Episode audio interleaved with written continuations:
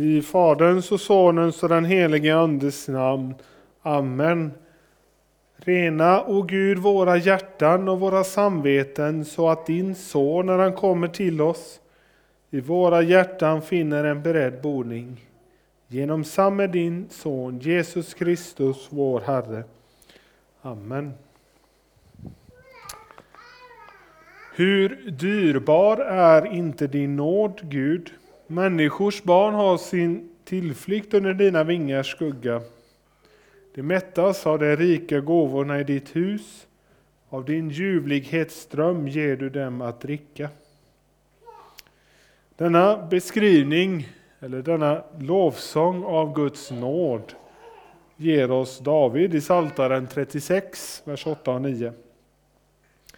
Guds nåd, det är något som vi lätt kan tas som något självklart, något givet. Ibland kan man höra att någon säger att ja, det är Guds uppgift att förlåta. Men vi behöver påminnas hur dyrbar Guds nåd är. Den har kostat honom hans älskade son. All den skuld som vi genom vår synd drar på oss är som ett gigantiskt skuldberg. Till detta där räknas varje elak tanke, varje avundsjuk blick, varje hårt ord. Och ändå är dessa, om vi får lov att kalla dem så, yttre synder bara som toppen av ett isberg. Det är bara som en frukt av vårt obotligt sjuka hjärta. Så här hjälper det inte att putsa lite här och lite där, utan jag behöver ett nytt och friskt hjärta. Och det är där som Guds dyrbara nåd kommer in i bilden. Den dyra nåden som inte kostade guld eller silver, men Guds eget heliga, dyrbara blod och hans oskyldiga lidande och död. Det är Guds dyrbara nåd. Och detta för att jag skulle få vara hans egen, för att du ska få vara hans.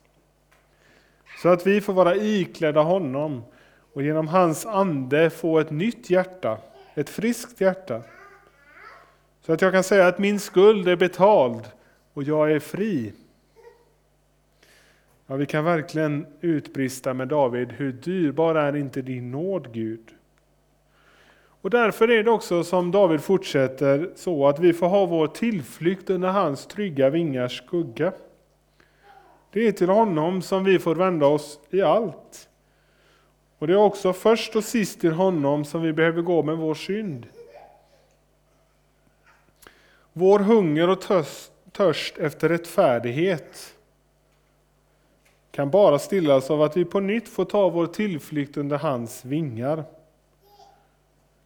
Vår hunger och törst det stillas av de rika gåvorna i hans hus som David talar om. Och tänk här i Guds hus så får vi ta emot Kristi kropp och blod, Guds kropp och blod, konkret och påtagligt i brödet och vinet. Som blir en påminnelse för oss, ja, som en Guds gåva till oss. En påminnelse om hans dyrbara nåd, hans ofattbart rika gåva till oss. Detta har Kristus offrat för att jag skulle få leva som hans egen och få kallas Guds barn. Och jag kan inget bära fram av värde inför honom, men ändå får jag komma. Vi kan bara säga så som vi senare idag kommer få höra officeren i Kapernaum säga Herre, jag är inte värd att du går in under mitt tak. Men säg bara ett ord så blir min tjänare frisk. Så låt oss därför bekänna vår synd och skuld inför honom för att sedan ta emot i förtröstan det ord som han vill tala till dig. Dina synder är dig förlåtna. Så låt oss be och bekänna.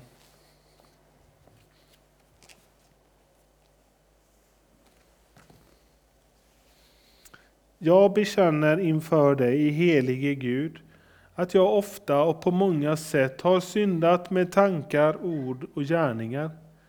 Tänk på mig i barmhärtighet och förlåt mig för Jesu Kristi skull vad jag har brutit. Herre, hör nu också varje hjärtas tysta bekännelse.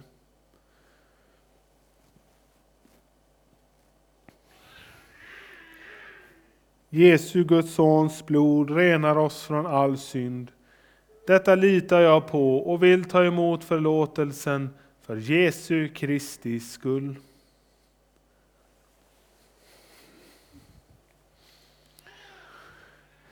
Begär du dina synders förlåtelse för Jesu Kristi skull, så är i kraft av Guds ord och löfte fast och visst att Gud av nåd förlåter dig alla dina synder. Och denna dina synders förlåtelse tillsäger jag dig på vår Herre Jesu Kristi uppdrag, i Faderns och Sonens och den heliga Andes namn. Amen.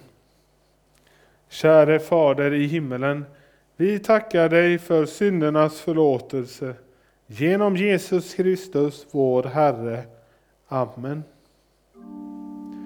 Helige Herre Gud, helige starke Gud, helige barmhärtige frälsare, du evige Gud, förbarma dig över oss. Herre, förbarma dig över oss.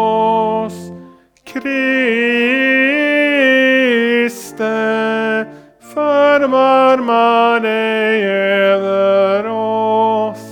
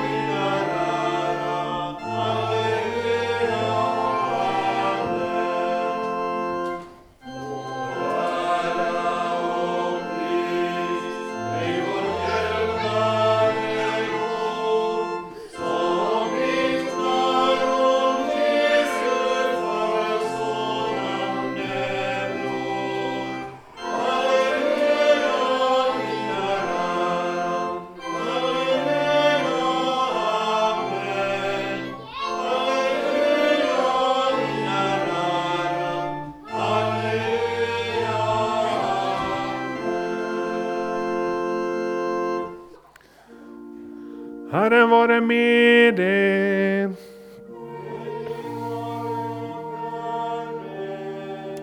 Låt oss bedja. O allsmäktige, evige Gud, du som med mildhet ser på vår svaghet, ge oss kraft att tro, ge oss kraft att tro på dina löften, så att vi kan leva i trygghet under din mäktiga hand. Genom din son Jesus Kristus, vår Herre. Amen. Vi ska lyssna till Herrens ord idag på tredje söndagen efter trettonde dagen. Och vi lyssnar först till läsningen ur Gamla Testamentet Första Konungaboken. Salomo sa vid tempelinvigningen, också om en främling, en som inte är av ditt folk Israel, kommer från något land långt borta, för ditt namns skull. Ty man skall också där höra talas om ditt stora namn och din starka hand och din uträckta arm.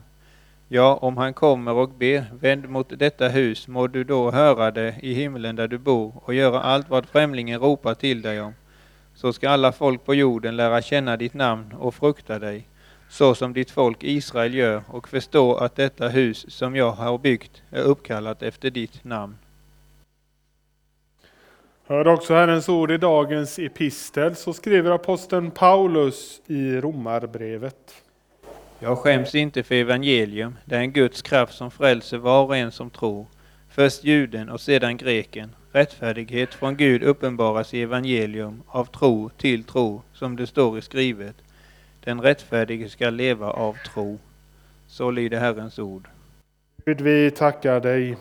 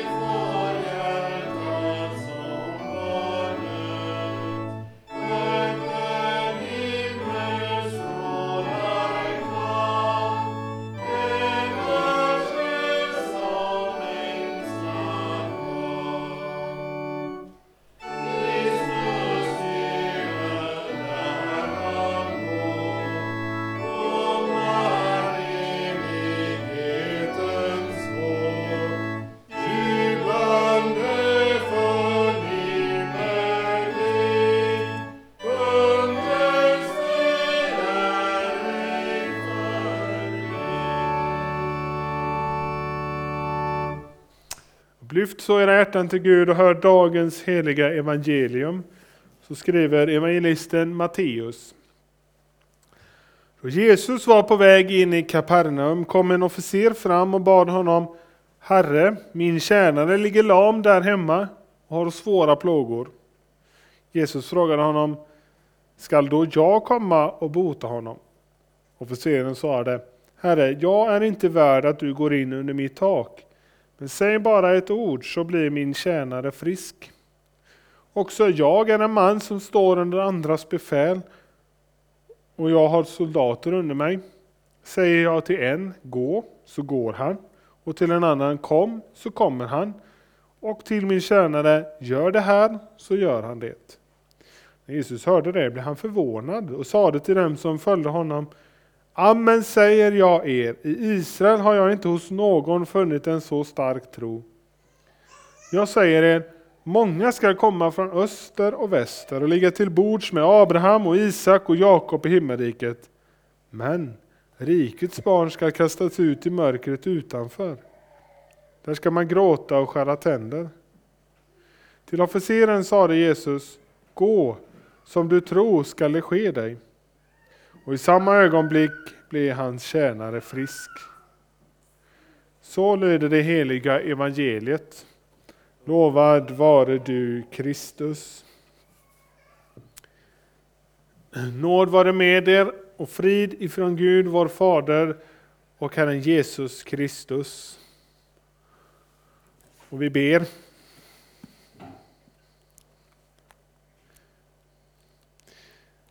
Och giv oss Herre av den tro som sorgerna betvingar, som lyfter oss till ljus och ro på starka örnevingar, som talar mäktigt till en var och bär oss under färden, som härlig tröst i tvivlen har och övervinner världen.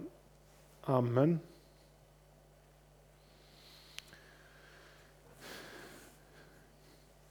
Jesus sa det, som vi hörde, i Israel har jag inte hos någon funnit en så stark tro.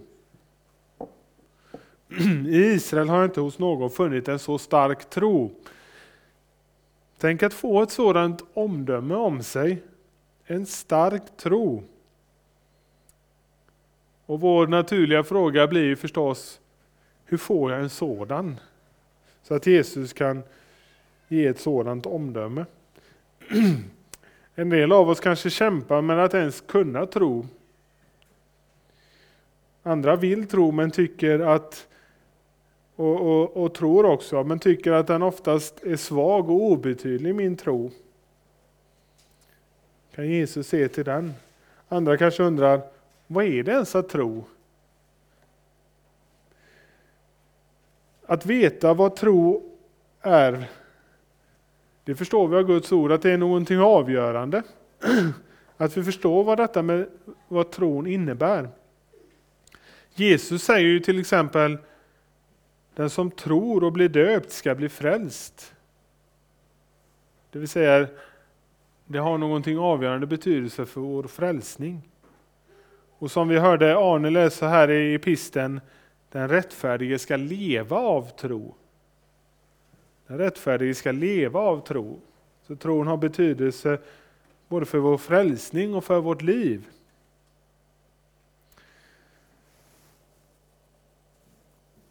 När vi ska tala om detta med tron och, och framförallt den här starka tron som Jesus talar om hos officeren. Så ska vi gå och se vad Paulus talar och skriver. För Paulus skriver så här i sitt andra brev till församlingen i Korint, det tolfte kapitlet, så säger han, när jag är svag, då är jag stark. När jag är svag, då är jag stark. Och då måste man ju ärligt erkänna att det är en märklig bekännelse Paulus ger, eller hur? När jag är svag, då är jag stark. Det är ju till synes en paradoxal sanning att den svage på samma gång kan vara stark. Men det visar sig att det till och med är nödvändigt att vår svaghet blir avslöjad för att Guds väldiga kraft ska kunna nå in i våra hjärtan och våra liv. För den upptäckten den hade Paulus gjort. För i samma eh, bibelställe, i Andra Korinthierbrevet 12, så berättar Paulus om hur han på ett påtagligt sätt upplevt sin svaghet. Han beskriver det som en satans ängel som slår honom i ansiktet. Eller också en törntagg i köttet. Alltså någonting som gjorde att Paulus erfor sin svaghet. Och han hade bett Herren ta bort den vid upprepade tillfällen, men Guds svar blev Min nåd är nog för dig, Ty kraften fullkomnas i svaghet. Och detta, det fick Paulus att omvärdera hela situationen. Nu säger han, vill han istället berömma sig av sin svaghet. Han vill berömma sig av sin svaghet. Inte för att den var någonting att framhäva hans svaghet, men för att Kristi kraft ska vila över honom. När Gud låter oss känna svaghet så har det just det bestämda syftet att föra oss till Kristus. Så att det blir som Johannes döparen sa om Jesus. Han måste bli större och jag mindre. Och i detta som Paulus nu har talat om, att när jag är svag, då är jag stark, så ligger också hemligheten i Jesu ord om officerens starka tro. För officeren, han kände sin svaghet. Men han hade också förstått att allt handlade om Jesus, om att komma till honom. Och därför var hans tro också stark. Och vi ska ha det som en rubrik över predikan, ett ämne för predikan. När jag är svag, då är jag stark. När jag är svag, då är jag stark. Eh, Eh, och det första som jag vill säga om det, det är att jag är svag. Jag är svag. Den här officeren, eh, en romersk centurion som det kallades. Och det innebar att han hade befäl, han var alltså i det militära och hade befäl över cirka hundra man. Så det var verkligen en man med makt och myndighet. Och, och I jordiskt avseende så hade han säkerligen kunnat tilltala Jesus med makt och myndighet. Och han säger själv att säger jag till en gå så går han och till en annan kom så kommer han och till min tjänare gör det här så gör han det. Makt och myndighet. Vi förstår också att denna officer inte var född jude. Han hörde inte till Guds utvalda folk. Eh, det är inte bara Matteus av evangelisterna som berättar om detta utan också Lukas och Johannes kan man läsa om denna berättelse. Och när Lukas berättar om det så har han också med vad det judiska folket har att säga om denne romerska officer. Och Lukas berättar att de säger om honom, han är värd, och säger detta till Jesus då, han är värd att du gör detta för honom. Han älskar vårt folk och det är han som har byggt synagogan åt oss. Så folket där ville alltså med sitt vittnesbörd om mannen få Jesus att liksom bli övertygad. Ungefär sådär, ja ja, han har gjort så mycket gott, då ska jag hjälpa den mannen. Och det är ungefär så som vi människor tänker. Att den där fromme mannen, eller den där goda kvinnan eller kanske rent av jag som har varit så god. Nu ska väl också Gud ge mig mycket gott i mitt liv. Men vad säger Jesus? Ja, nästan lite kyligt och avvisande till mannen säger han, ska då jag komma och bota honom? Jesus ville med de här orden pröva officeren och hans tro. Ungefär som om Jesus med denna fråga ställer frågan, vilken förväntan har du när du kommer till mig och ber mig bota din tjänare? Vilken grund har du att stå på när du kommer med en sån begäran till mig? Vem tror du att du är? Ja, mannen själv hade, till skillnad mot vad judarna ansåg om honom, ingen tilltro till sin egen värdighet. Han hade insett att det är honom som har makt över sjukdomar, över liv och död, så kan man inte komma och begära på sin egen värdighet. Herre, jag är inte värd att du går in under mitt tak.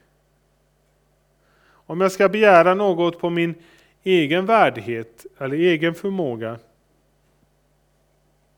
ja då skulle du ens inte komma in i mitt hus. Men, och här närmar vi oss nu det som är den svage mannens starka tro.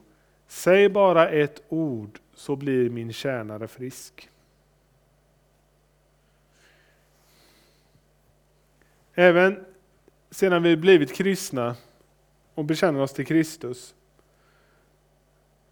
så får vi ändå under hela livet bära med oss vår egen svaghet på ett eller annat sätt.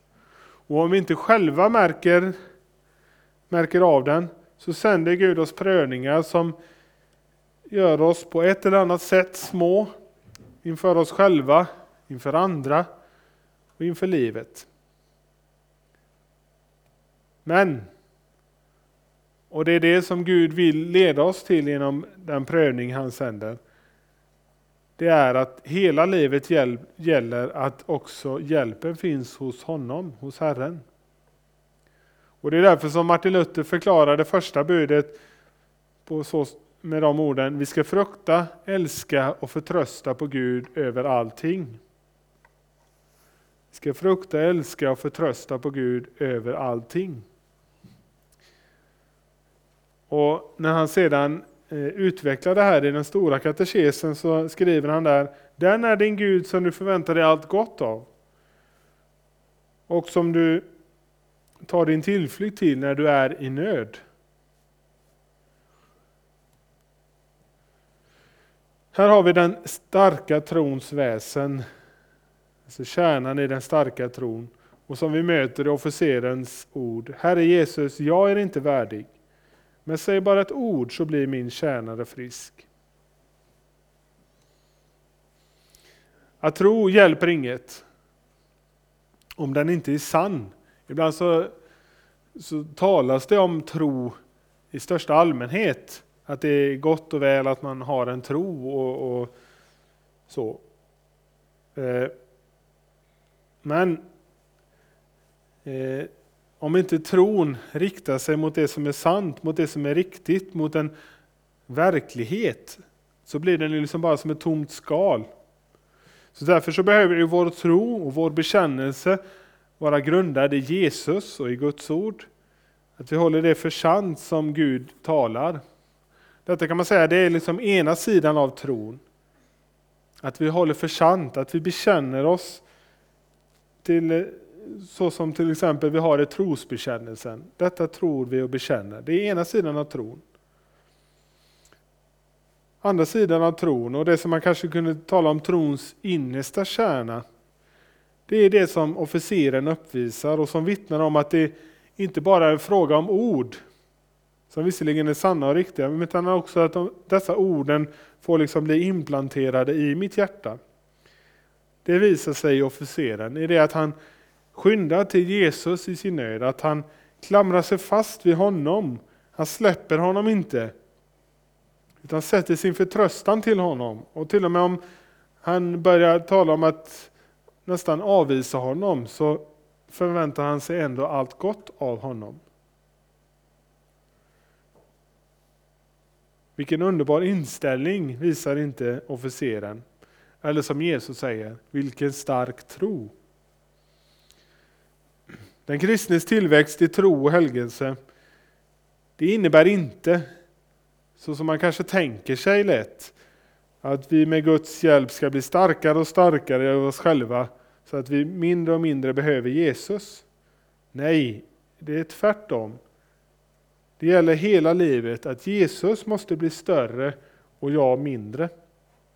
Detta är trons liv. För, och det leder oss in på det andra som jag vill ta fram i predikan här. Den som är stark i sig själv går miste om styrkan hos Jesus. Den som är stark i sig själv går miste om styrkan hos Jesus. För mitt i denna underbara berättelse om mannen i Kapernaum så framställer Jesus en oerhört allvarlig varning i vår text idag.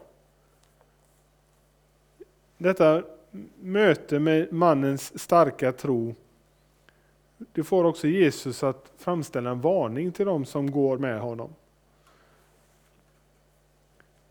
Mötet med den hedniske mannens starka tro, som inget eget hade att komma med, men som kom till Jesus med sitt, med sitt bekymmer, blev för Jesus en möjlighet att tala ett varningens ord till, som han säger, rikets barn, alltså det vill säga det utvalda gudsfolket. För här mötte nu de en som hade tagit emot och insett evangeliets djupa sanning i Jesus. Men, säger Jesus, rikets barn ska kastas ut i mörkret utanför. Rikets barn, det vill säga de som hade fått förmånen att vara Guds utvalda folk. Detta folk som Gud på ett särskilt sätt uppenbarar sig för ända sedan han utvalde deras fader Abraham och till honom gav löftet att genom hans folk skulle alla släkter på jorden bli välsignade. Och nu hade den tiden kommit att Gud skulle liksom sträcka ut denna välsignelse till alla folk. När Gud nu hade sänt sin son till jorden för att rädda de förlorade tillbaka till Gud. Då var det också bland Abrahams ättlingar, rikets barn, som Jesus, världens frälsare, föddes och verkade. Men de tragiska orden som Johannes ger oss, han kom till sitt eget och hans egna tog inte emot honom.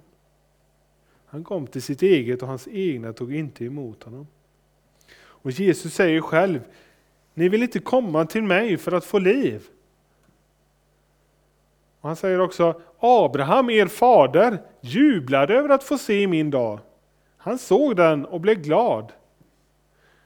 Det vill säga Abraham hade genom tron på Guds löften fått se det stora i Jesus. Han hade i tron sett Jesus och blivit glad över detta. Och nu kommer det här människor som den romerska officeren som inte var Abrahams barn efter födseln, efter köttet. Men som i anden lyssnade till och trodde Guds löften, det som nu gick i uppfyllelse i och genom Jesus. Och dessa många, det ska komma från öster och väster. Nej, från öster och väster, så borde det vara va?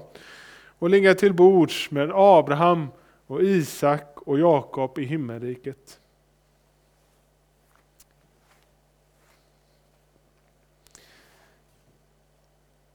Så denna varning till rikets barn, den kan man säga, den gäller ju också för alla tider. För till rikets barn, till Guds barn, så hör ju också vi, vi som genom det heliga dopet tagits upp som Guds barn, vi som har fått höra om Guds stora och underbara gärningar i Jesus Kristus. Vi som av nåd fått ta emot Guds barnaskap. Vi som har fått och har Guds ord mitt ibland oss. Vilka stora förmåner vi har och som vi har fått. Men frågan som vi då också behöver ställa oss och som vi får anledning att göra idag eftersom Jesus själv talar om, det är, hör vi till de rikets barn som ska kastas ut i mörkret? Det är ju en allvarlig och inträngande fråga som inte kan ges ett lättvindigt svar på, utan som var och en får pröva sig. Men jag vill ändå berätta en berättelse som jag, jag inte vet om den är sann eller inte. Men jag har åtminstone läst den i den trovärdiga tidningen Julbudskapet för några år sedan. Och där berättas det om en bonde som en gång sa Här i dalen tror vi på Gud, men vi är inte beroende av honom. Här i dalen tror vi på Gud, men vi är inte beroende av honom. Som sagt, jag vet inte om den är sann eller inte detta.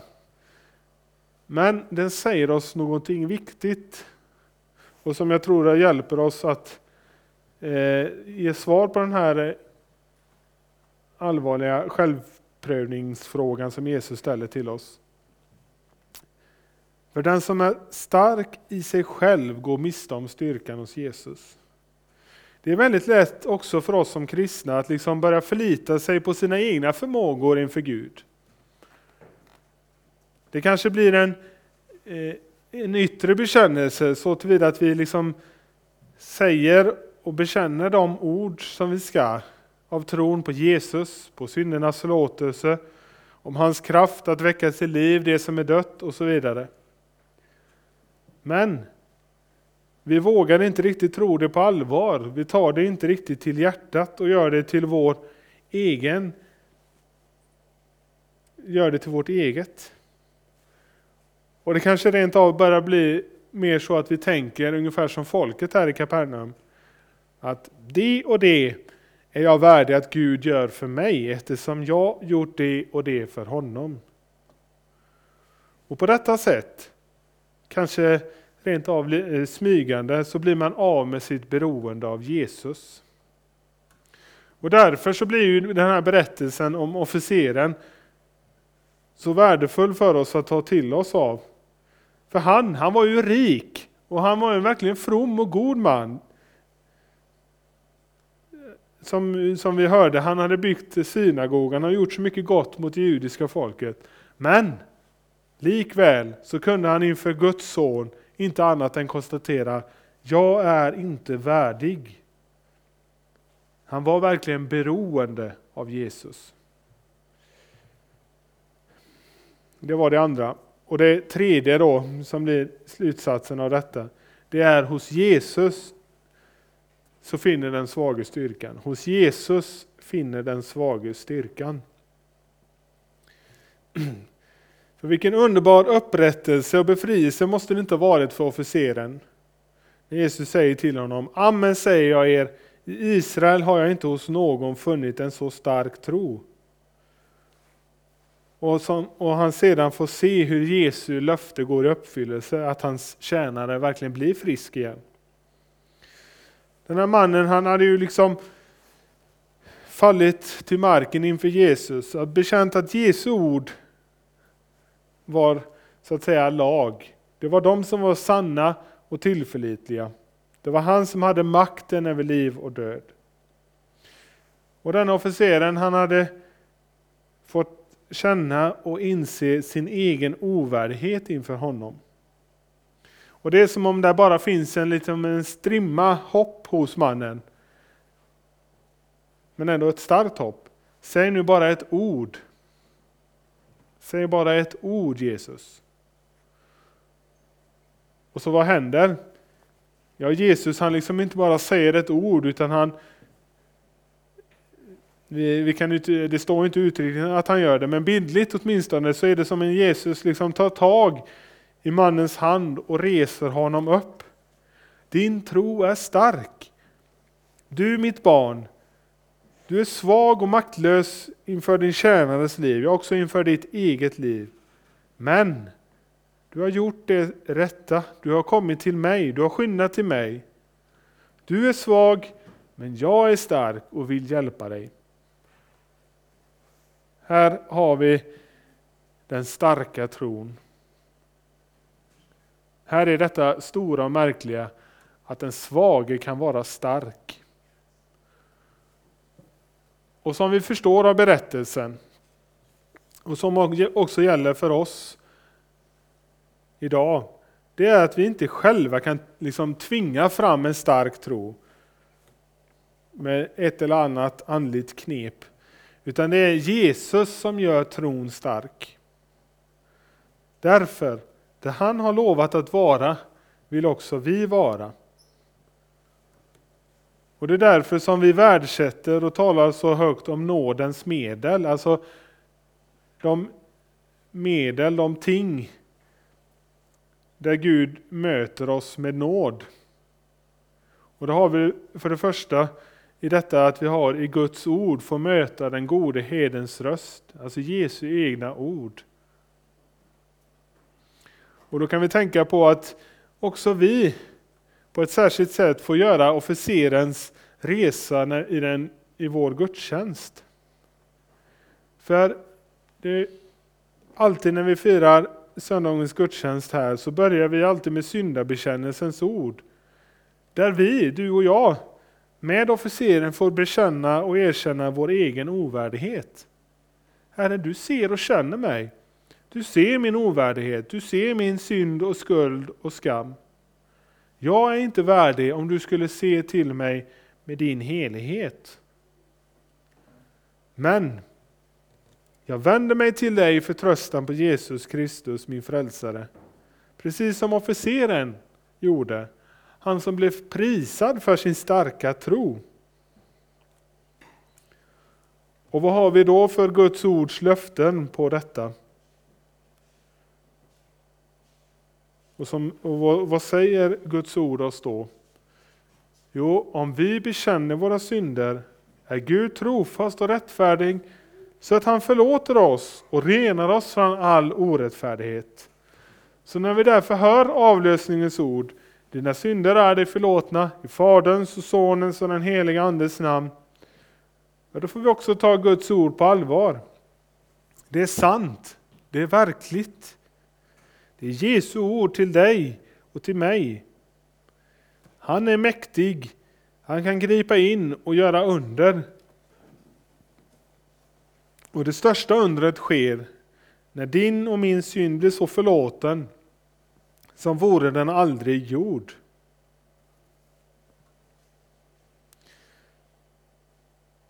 Det är det allra största undret.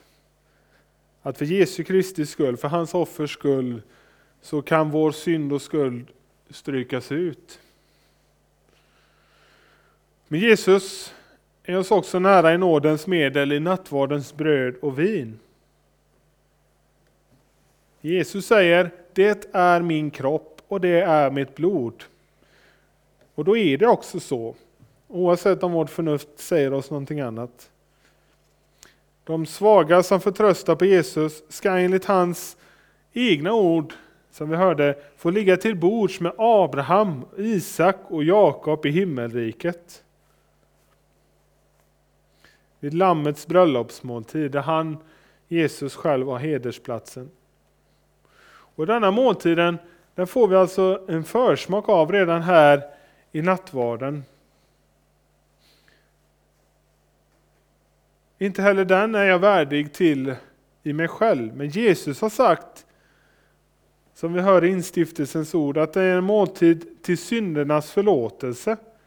Det är alltså en måltid för syndare. Vi tar emot nattvarden på ett värdigt sätt när vi tar, emot, när vi tar Guds ord för sanna. När vi tror orden för dig utgiven och dig utgjutet till syndernas förlåtelse. Jag har sagt det förut, jag säger det igen. Vi är allt beroende av Jesus och det är därför som vi på nytt och på nytt får komma och ta emot hans kropp och blod till syndernas förlåtelse. Idag har vi talat om detta, när jag är svag då är jag stark. Denna märkliga motsats. Och som vi både har fått höra om och också fått se exempel på hos den romerske officeren i Kapernaum. Han lär oss att vi kan vara både starka och rika här i världen på det ena eller andra sättet. Men han lär oss också att inför Gud, inför livets stora och svåra frågor, inför livets förgänglighet och inför evigheten så står vi alla svaga och maktlösa. Därför är vi i ständigt beroende av Jesus. Eftersom vi är svaga, men han är stark. Och i honom är också jag stark. Inte av egen kraft, men i hans kraft. Och i honom kan jag vara trygg i alla lägen. I honom kan jag, trots min egen ovärdighet, trots jordiska prövningar och svårigheter, får se fram emot himmelrikets måltidsfest med Abraham och Isak och Jakob. Ja, alla heliga. Alla de som genom Guds genom Jesu Kristi blod har gjorts heliga i alla tider. Med alla dem. Och det får vi se fram emot. Och för allt detta säger vi Ära vare Fadern och Sonen och den helige Ande så som det var av begynnelsen, nu är och skall vara, från evighet till evighet. Amen. Låt oss så stämma in i kyrkans trosbekännelse. Vi tror på Gud Fader allsmäktig, himmelens och jordens skapare.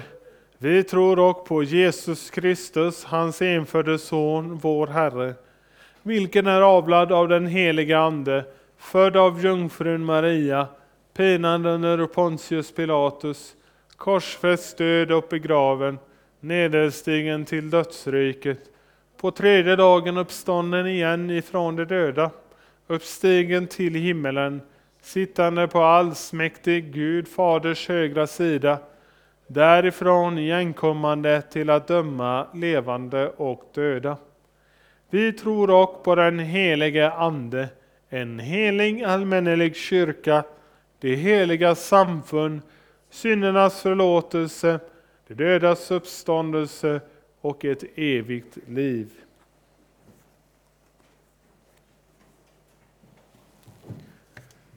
Nu ska jag ge några pålysningar. Eh, idag ber vi att få lov att ta upp en kollekt till missionsprovinsen och dess centrala arbete i Sveriges land. Och eh, eh den kollekten ges utgången där, man kan ge antingen via Swish eller kontant i bössan där. Och vi tackar för din gåva. Om Gud vill och vi får leva så blir det söndag här om en vecka igen. Och då är det söndagen Septuagesima, 31 januari. Och då blir det tre högmässotillfällen på söndagen. Och det, det är Jan-Erik Appell som är predikant då.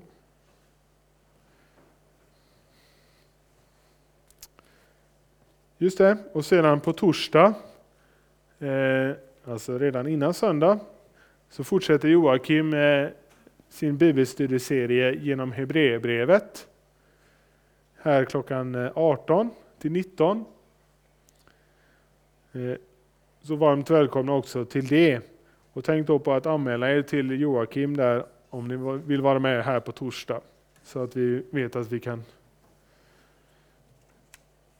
leva vår överhet till eh, Eh, lyda vår överhet så att säga. Så önskar jag er till sist att Guds frid som övergår allt förstånd bevarar era hjärtan och era tankar i Kristus Jesus. Amen. Låt oss så be vår förbön.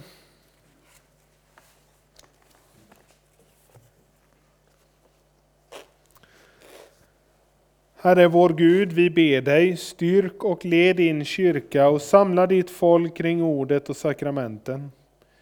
Vi ber om din välsignelse över alla församlingar och gudstjänstgemenskaper i vår närhet.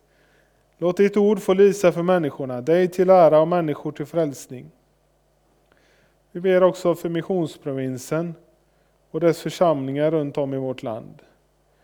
Välsigna, välsigna arbetet Välsigna också den gåva som vi idag får bära fram i, i, i vår kollekt. Och led vår biskop Eng till hans tjänst. Sänd Herre arbetare till din stora skörd, så att ditt evangelium når ut till hela världen och väcker en levande tro.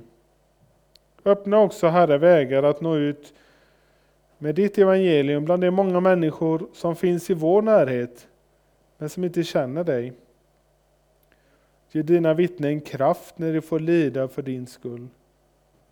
Skydda vårt land och ge vishet åt dem som har fått förtroende och ansvar i vårt samhälle. Vi ber för vår kung och hans familj, för regering och riksdag, för Region Kronoberg och dess kommuner. Herre, välsigna vårt arbete, ge världen fred, låt all ondska hindras och låt istället din goda vilja bryta fram. Ge oss dagligt bröd och stärk vår vilja att dela med oss åt dem som lider nöd. Låt våra hem präglas av sammanhållning, trygghet och kristen tro. Håll din hand över alla skolor och låt våra barn och ungdomar bli väl röstade för livet här på jorden. Gör vår församling till ett hem dit människor kommer för att höra ditt heliga ord, be om din hjälp, tacka för din godhet och kärlek och i kristen syskongemenskap stötta och uppmuntra varandra på den eviga vägen. Herre, tänk också i nåd på de ofödda barnen, särskilt dem vars liv står i fara. Kom Herre till de sjuka, till de som ligger för döden, till de sörjande, till de ensamma, till alla som på ett eller annat sätt påverkas eller drabbats av coronavirusets framfart. Herre, tänk en år på dem som vi nu särskilt nämner vid namn tyst inför dig.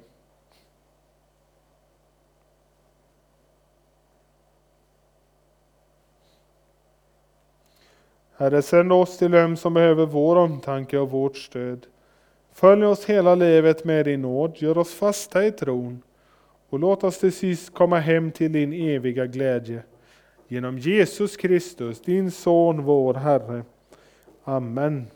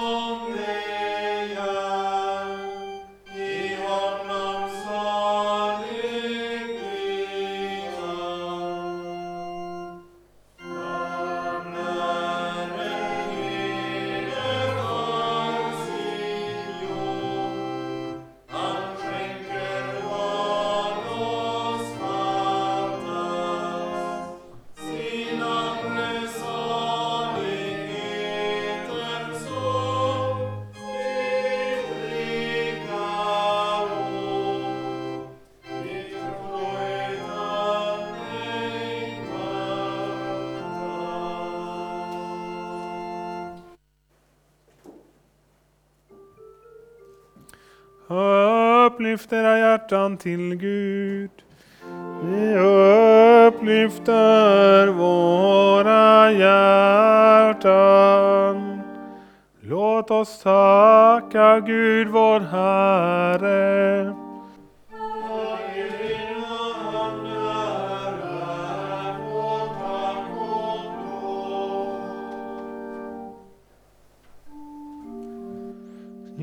Ja, sannerligen nu ensam är värd vårt lov Allsmäktige Fader, helige Gud.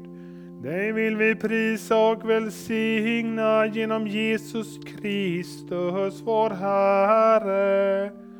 Han är din härlighets återsken och ditt väsens avbild. I honom uppenbarade du din härlighet för världen. Den som följer honom vandrar inte i mörkret utan har livets ljus.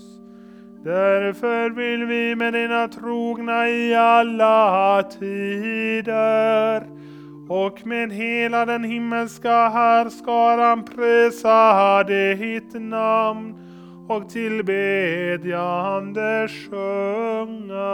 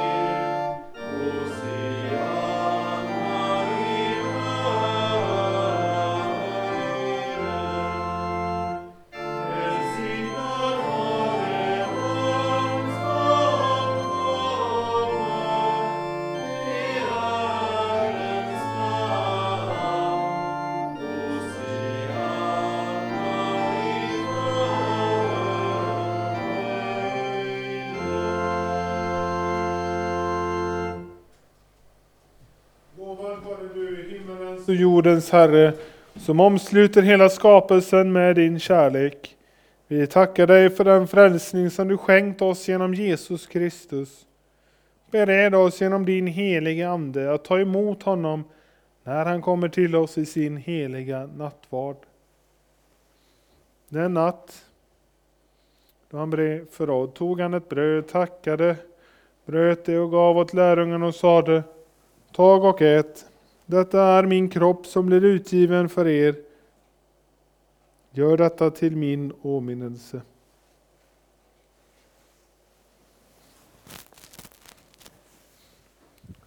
Likaså tog han kalken, tackade och gav åt lärjungarna och sade Drick av den alla. Denna kalk är det nya förbundet genom mitt blod som blir utgjutet för många till syndernas förlåtelse. Så ofta ni dricker av den, gör det till min åminnelse. Din död förkunnar vi, Herre, din uppståndelse bekänner vi till dess du kommer åter i härlighet. Himmelske Fader, skänk oss i denna måltid de välsignade frukterna av din Sons lidande och död uppståndelse och himmelsfärd. Ge oss liv av hans liv så att han förblir i oss och vi i honom. I den helige Ande och med dina trogna i alla tider ber vi så som din son själv har lärt oss. Fader vår som är i himmelen. Helgat varde ditt namn. Tillkommer ditt rike. Ske din vilja så som i himmelen så och på jorden. Vårt dagliga bröd giv oss idag och förlåt oss våra skulder så som och vi förlåta dem oss skyldiga äro. Och inled oss inte i frestelse utan fräls oss ifrån ondo. Ty riket är ditt och makten och härligheten i evighet. Amen.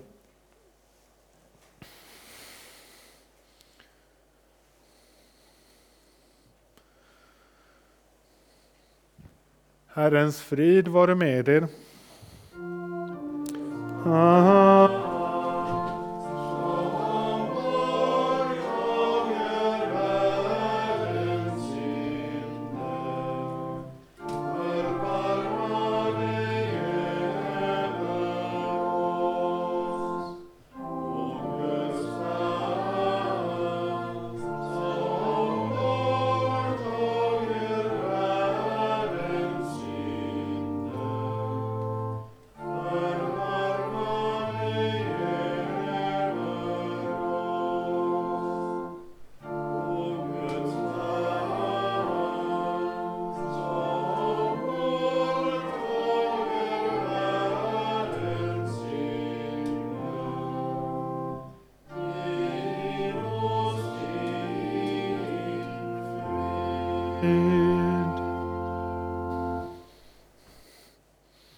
Saliga är de som är bjudna till Lammets bröllopsmåltid. Kom, nu är allt tillrätt.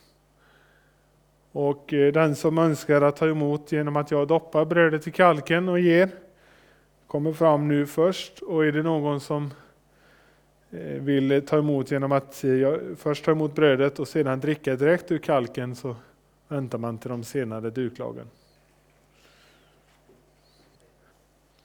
Herre Jesus Kristus, vilkens kropp och blod vi här har mottagit, han bevarar oss till evigt liv.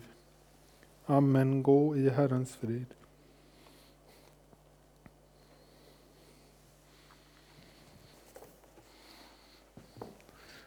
Låt oss tacka och be. Barmhärtighetens fader och all trösts Gud. Du som är brödet och kalken räcker oss frukten av din sons lydnad för din vilja. Styrk genom dina gåvor vår tro och ge oss del i himmelrikets måltid. Genom honom Jesus Kristus vår Herre. Amen.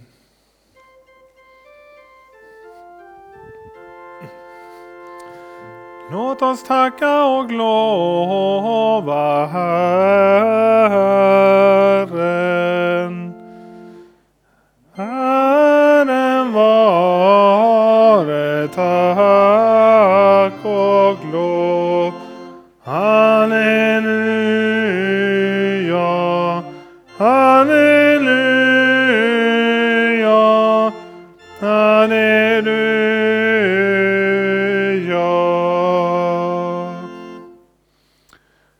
Emot Herrens välsignelse. Herren välsigne er och bevara er.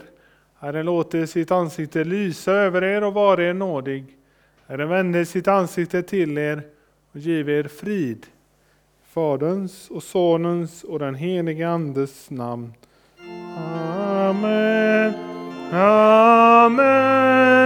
Amen.